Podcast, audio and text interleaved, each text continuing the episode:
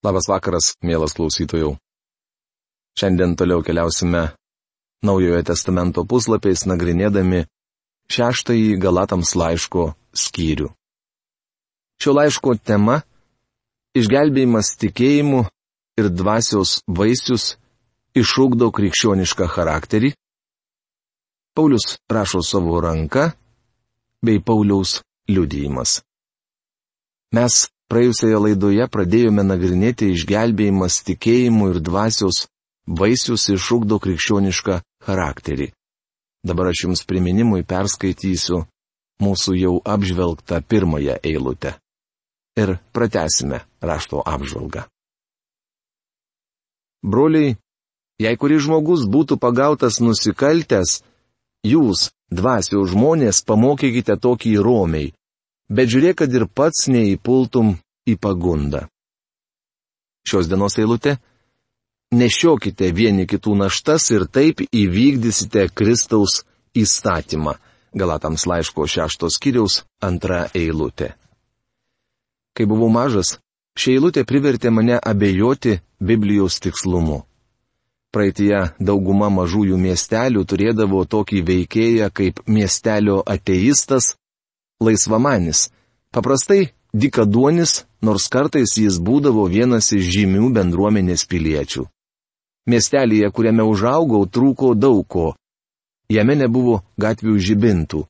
Iš tiesų mes ir savo namuose neturėjome elektros apšvietimo. Pamenu, kaip tais laikais mokydavausi prie žibalinės lempos. Mūsų mažame miestelėje nebuvo šaligatvių, nebuvo ir asfaltuotų gatvių. Nebuvo vandentiekio, tik šuliniai. Išvietė buvo laukia. Mūsų mažame miestelėje trūko daugelio dalykų tačiau miestelio ateistą turėjome. Jis vadino save socialistu. Kiekvieną sekmadienio rytą, jei oras būdavo geras, jis ateidavo ir kalbėdavo miesto skvere. Paprastai susirinkdavo apie tuzinas klausytojų, tokių pačių dikinėtojų kaip ir jis. Pakeliui į sekmadieninę mokyklą visuomet staptelėdavau jo pasiklausyti. Didžiulį įspūdį man darė tai, jog šio ateisto burna buvo nesimetriška. Kai jis kramtydavo tabaką, vyko neįtikėtini dalykai.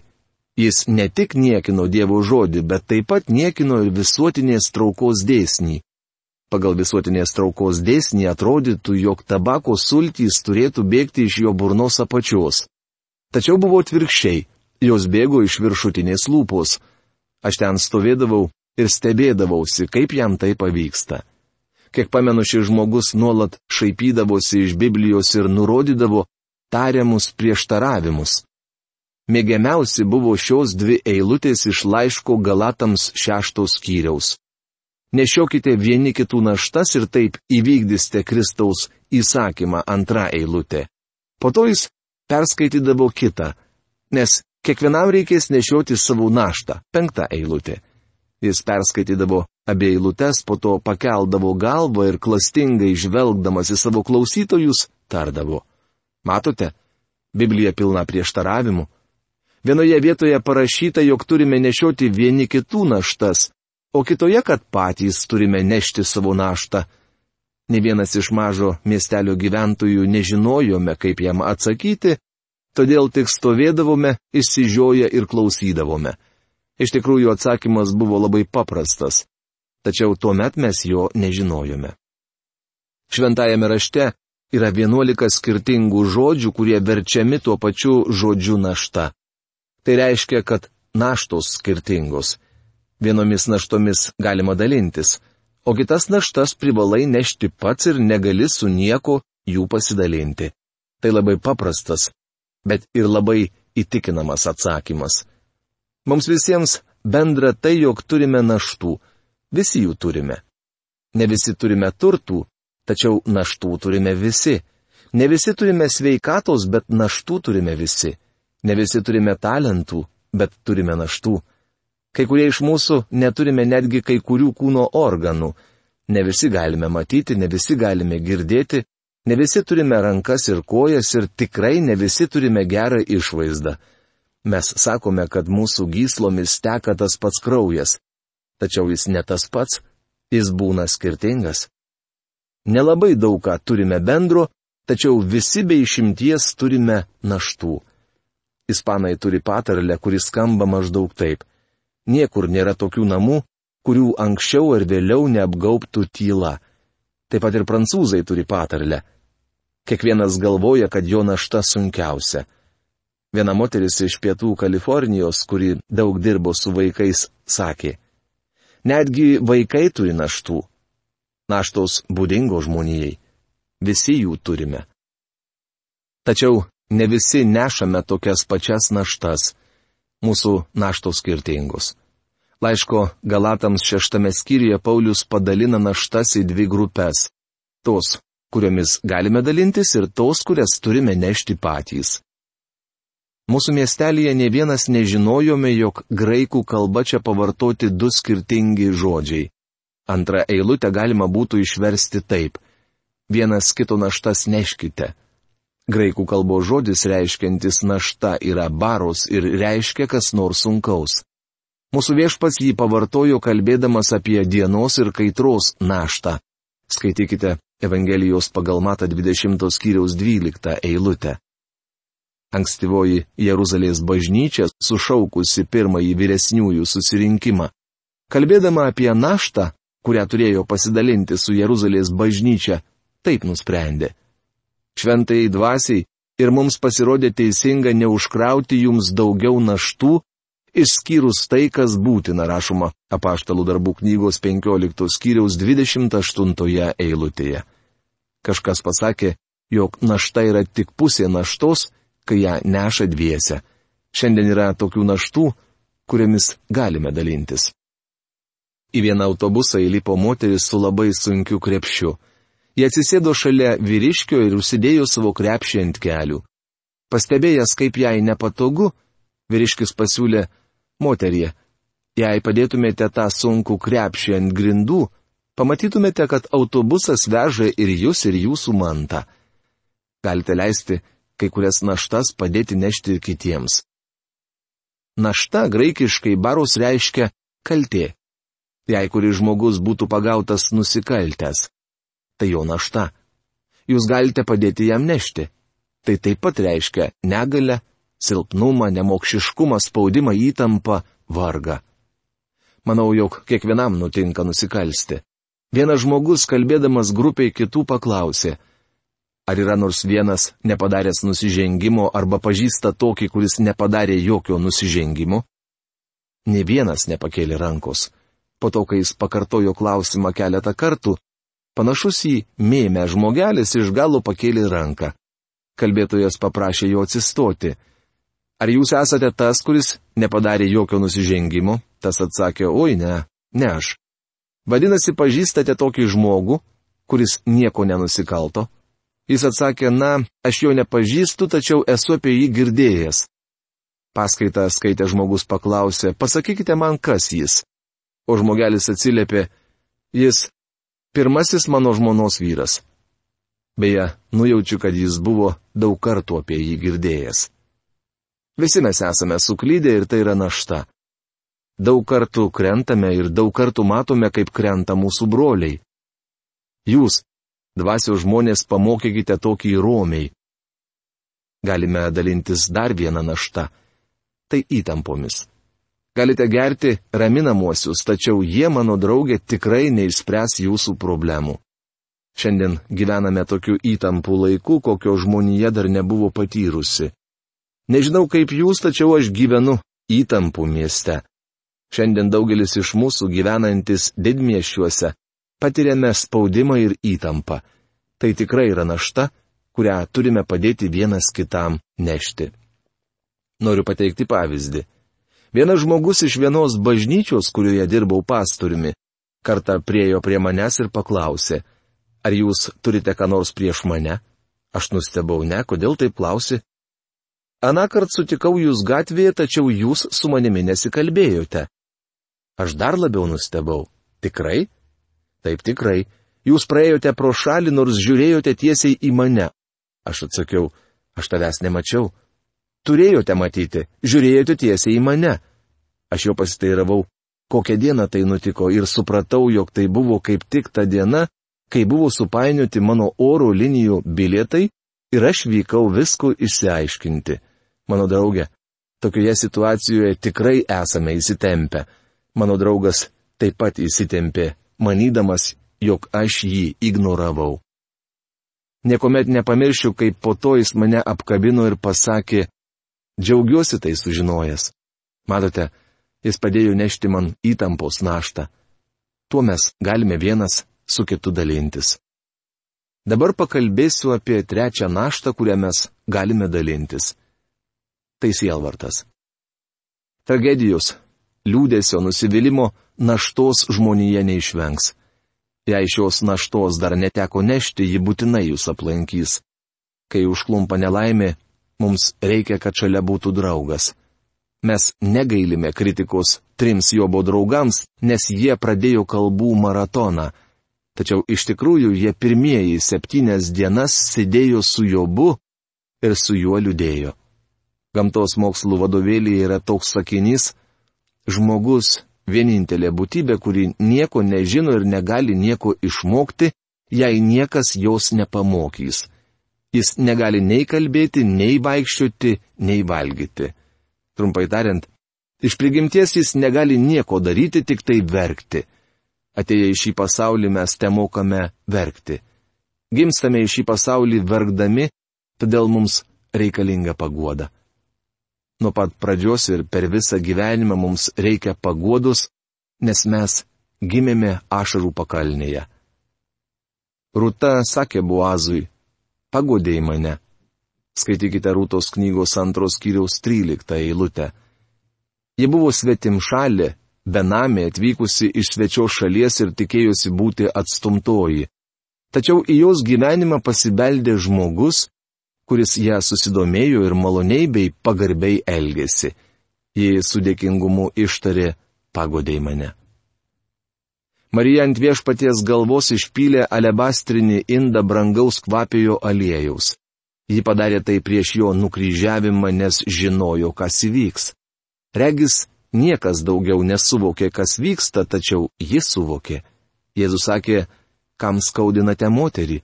Išpildama aliejų ant mano kūno, ji tai padarė mano laidotuvėms. Skaitykite apie tai Evangelijos pagal Mata 26 skyriaus 12 eilutėje.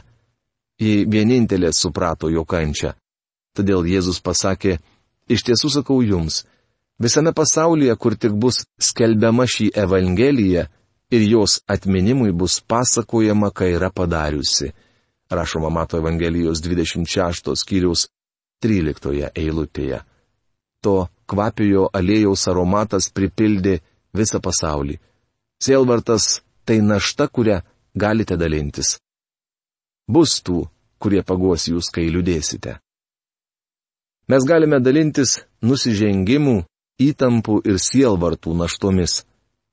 Nežinomas autorius rašė. Ar tau trūksta paguodos? Eik ir paguosk savo draugą tuomet per visus vargų metus tau pagoda nesibaigs. Dieviška meilė pripildys sandėlius, jos bus kupini tavo delnai. Tai, kas vienam yra skurdus maistas, dviems gali tapti karališka puota. Pasiklydęs ir pailsęs kalnuose, ar miegotumėj sniege, įtrink sušalusi kūną šalia savęs ir drauge abiem bus šilčiau. Sakai, buvai sužeistas gyvenimo kovoje? Aplink tave dėjoja daug sužeistųjų. Išliek jiems savo brangaus aliejaus. Ir jis išgydys tave. Yra naštų, kurias galime padėti vieni kitiems nešti. Dabar pažvelkime į kitą eilutę, kurioje rašoma, kad yra naštų, kuriomis negalime dalintis tegul kiekvienas ištiria savo darbą ir tuomet galės didžiuotis pats savo, nesilygindamas su kitu. Galatams laiško šeštos kiriaus ketvirta eilutė. Manau, jog Paulius teigia, kad neturėtume bėgioti aplinkui ir krauti kitiems savo naštų. Nes kiekvienam reikės nešioti savo naštą. Galatams laiško šeštos kiriaus penktą eilutė. Šioje vietoje žodis našta graikiškai yra bhortion ir reiškia krovinys, kurį reikia nešti. Šis žodis buvo vartojamas kalbant apie laivo krovinį. Iš pradžių jis buvo vartojamas kalbant apie kūdikį iššiuose. Matote, tik motina gali įnešti. Tai našta, kurios kitam nešti neįmanoma. Niekuomet nerekomenduoju Philipso naujojo testamento šio laikinę anglų kalbą vertimo, nes tai ir nėra vertimas, tai tiesiog puikiausias paaiškinimas. Daug kartų jis man padėjo aiškiau suprasti šventojo rašto pastraipas. Jis taip perfrazuoja Galatams laiško šeštos kiriaus penktą eilutę. Nes kiekvienas žmogus turi užsikrauti ant pečių savo nešulį. Štai taip. Kiekvienas žmogus turi užsikrauti savo nešulį. Yra tokia banali frazė - kiekvienam savas darbas ir kita širkštesnė, tegul kiekvienas rūpinasi savimi arba ne mano keulės, ne mano pupos. Kitaip tariant, yra tokių naštų, kuriomis mes dalintis negalime. Tam tikra prasme, kiekvienas gyvenimas yra atskirtas ir izoliuotas nuo visų kitų gyvenimų. Franko ir Vagnalio žodinė yra surinktas sąrašas žodžių, iš kurių liūdniausias yra vienas. Kai kurias naštas mes turėsime nešti vieni. Čia paminėsiu tik keletą. Jūs patys sugalvosite kitas. Pirmoji, kurią noriu paminėti, tai kančia. Kančia turėsite kesti vienas. Niekas kitas už jūs kentėti negali. Jūs gimėte į šį pasaulį vienas, tai ašarų pakalnė. Ir kentėsite vienas. Turėsite susidoroti su kai kuriomis problemomis vienas turėsite kesti ir fizinę kančią. Jūs sirksite ir niekas negalės sirgti už jūs. Kai mano dukrelė buvo labai maža, grįžtant iš Teksaso jį pradėjo labai karščiuoti. Mes nuvežėme ją į ligoninę Globoje, Arizonos valstijoje. Gydytojas paskyrė jai vaistų ir pasakė, sugirdykite jai šių vaistų ir karštis nukris. Dabar jau vėlų, todėl važiuokite toliau į Kaliforniją. Kuo toliau nuo šio karščio. Taigi mes išvykome. Fenikse sustojome užsipilti degalų ir mano žmona pamatavo jai temperatūrą. Gyvsidabrio stulpelis rodė 40 laipsnių. Temperatūra nenukrito. Mes įsigandome. Nuvažiavome į motelį, išsikvietėme gydytoją ir jam papasakojome visą situaciją. Jis patarė toliau duoti vaistus ir ryte atvežti ją į ligoninę. Niekad nepamiršiu, ką jaučiau, kai ryte atnešiau ją į ligoninę ir paguldžiau. Niekad savo gyvenime nebuvau to patyręs. Mėlų norų būčiau pats turėjęs tokią temperatūrą. Mėlų norų. Tačiau mano draugė, aš to negalėjau padaryti. Mes turime kentėti vieni. Neįmanoma, kad kažkas būtų jūsų vietoje. Kančia yra vienas iš dalykų, kuriuo negalime dalintis. Dvasios sielvartas yra kita kančios forma, kurią negalime pasidalinti. Oi kaip daug žmonių yra nusivylusių. Šiandien dėl didelio nusivylimo jie netgi pilni kartėlio. Kančia yra našta, kurią turime nešti vieni. Yra dar viena našta, kurios mes negalime su nieko pasidalinti. Tai mirtis. Jos mes negalime padėti nešti kitam. Ateis laikas, kai kiekvienas eisime per mirties šešėlio slėnį ir eisime vieni. Tomas Hobesas, agnostikas visą savo gyvenimą, labai išmintingas žmogus. Priartėjus mirties valandai pasakė. Su baime šoku į tamsą. Vėliau jis sušuko, o Dieve, koks vienišas jaučiuosi. Taip tai tiesa. Mirtis tai našta, kurios negali pasidalinti su kitu žmogumi. Džonas Hei, buvęs valstybės sekretorius, buvo gana neblogas rašytojas. Jis parašė eilėraštį apie mirtį, kuris vadinosi atsisveikinimo taurė, turėdamas omenyje kavaleriją, kurie lipdami ant žirgų paprastai išgerdavo. Štai kaip skamba eilėraščio pradžia. Mano laiminga diena truko taip trumpai, atslenka ilga ir vieniša naktis. Prie mano durų baltas žirgas, kuris nuneš mane į nežinomas žemės. Mano draugė, Kai ateis mirtis, mes jausime vieni. Mirties naštą reikia nešti vienam. Dabar priejome prie trečiosios ir paskutinės naštos, kurią paminėsiu. Beje, jos vardas neįprastas - tai Bema. Bema yra Kristaus teismo krasė. Ji skirta ne neišgelbėtiems, bet krikščionims. Netikintieji taip pat bus teisiami. Tai bus didžiojo balto sosto teismas aprašytas 20 prieškimo knygos skyriuje. Tačiau bema teismo krasė skirta tikinčiajam. Juk mums visiems reikės stoti prieš Kristaus teismo krasę, kad kiekvienas atsimtų, ką jis gyvendamas kūne yra daręs - gerą ar blogą, rašoma antrame laiške korintiečiams penktame skyriuje dešimtoje eilutėje. Viskas, ką gyvendami kūne esame padarę kaip krikščionys, turi būti teisiama ir nusprendžiama, ar mes gausime atlygį ar ne. Čia kalbama ne apie išgelbėjimą, tikinčiajam jis buvo duotas prie Kristaus kryžiaus. Bema teismo krasėje bus teisiami tikinčiųjų darbai. Taigi kiekvienas iš mūsų duos Dievui apyskaitą už save, kaip prašoma romiečiams laiško 14 skyriaus 12 eilutėje. Toliau Paulius išdėsto principą, kuris tinka kiekvienai gyvenimo sričiai. Tačiau ypač tikintiesiems. Neapsigaukite, Dievas nesiduoda išjuokiamas. Ką žmogus sėja, tai ir pjaus. Septinta eilutė. Šis principas veikia ir gamtoje. Sėjai medvilnę, nuimi medvilnę. Sėjai kviečius, pjauni kviečius. Ir kaip krikščionis jūs pjausite tai, ką pasėjote. Mums patinka gėdoti giesmę, kurios pavadinimas jau seniai sumokėta skola. Tikinčiojo gyvenime tai tiesa. Tačiau kaip su naujaja skola? Kaip su sąskaita nuo to laiko, kai buvote išgelbėtas? Koks jūsų gyvenimas nuo tada, kai priėmėte Kristų? Ar jūsų gyvenime viešpatauja nuodėmė? Ar išpažinote ją?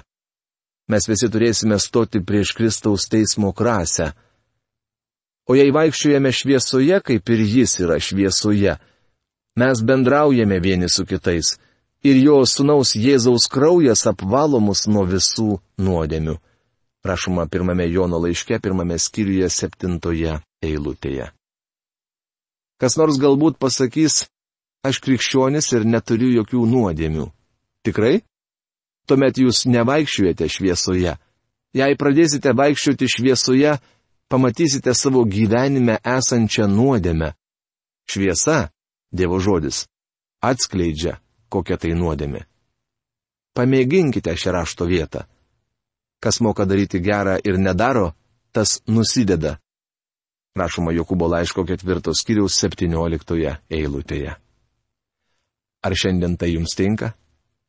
Manau, jog ši eilutė tinka mums visiems.